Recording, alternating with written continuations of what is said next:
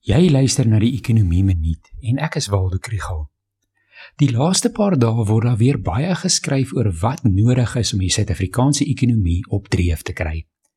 Sommige kommentators vra vir drastiese stappe, party vir 'n basiese inkomste toelaag of dat ons net eers die skuldlas onder beheer moet kry. Sommige sal sê arbeidsmarkhervorming maar is verstaanbaar versigtig om te verduidelik presies wat verander moet word. Die een aspek is die stelsel van kollektiewe bedinging. Die onlangse staking en eindelike loonooreenkoms in die staal- en ingenieursbedryf is 'n goeie voorbeeld van die uitdagings.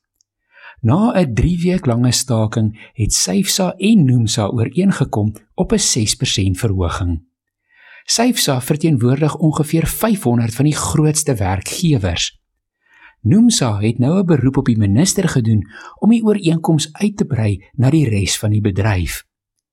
Daardie res word verteenwoordig deur NIASA, die National Employers Association of SA.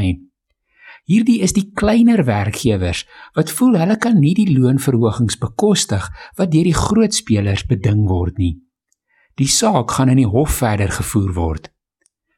Akademiese navorsing wys dat hierdie stelsel van kollektiewe bedinging in diensname tussen 8 en 13% laer maak as wat dit kan wees.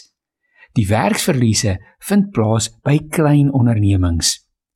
Hierdie is die kwessies wat ons moet aanpak as ons praat van ingrypende hervorming.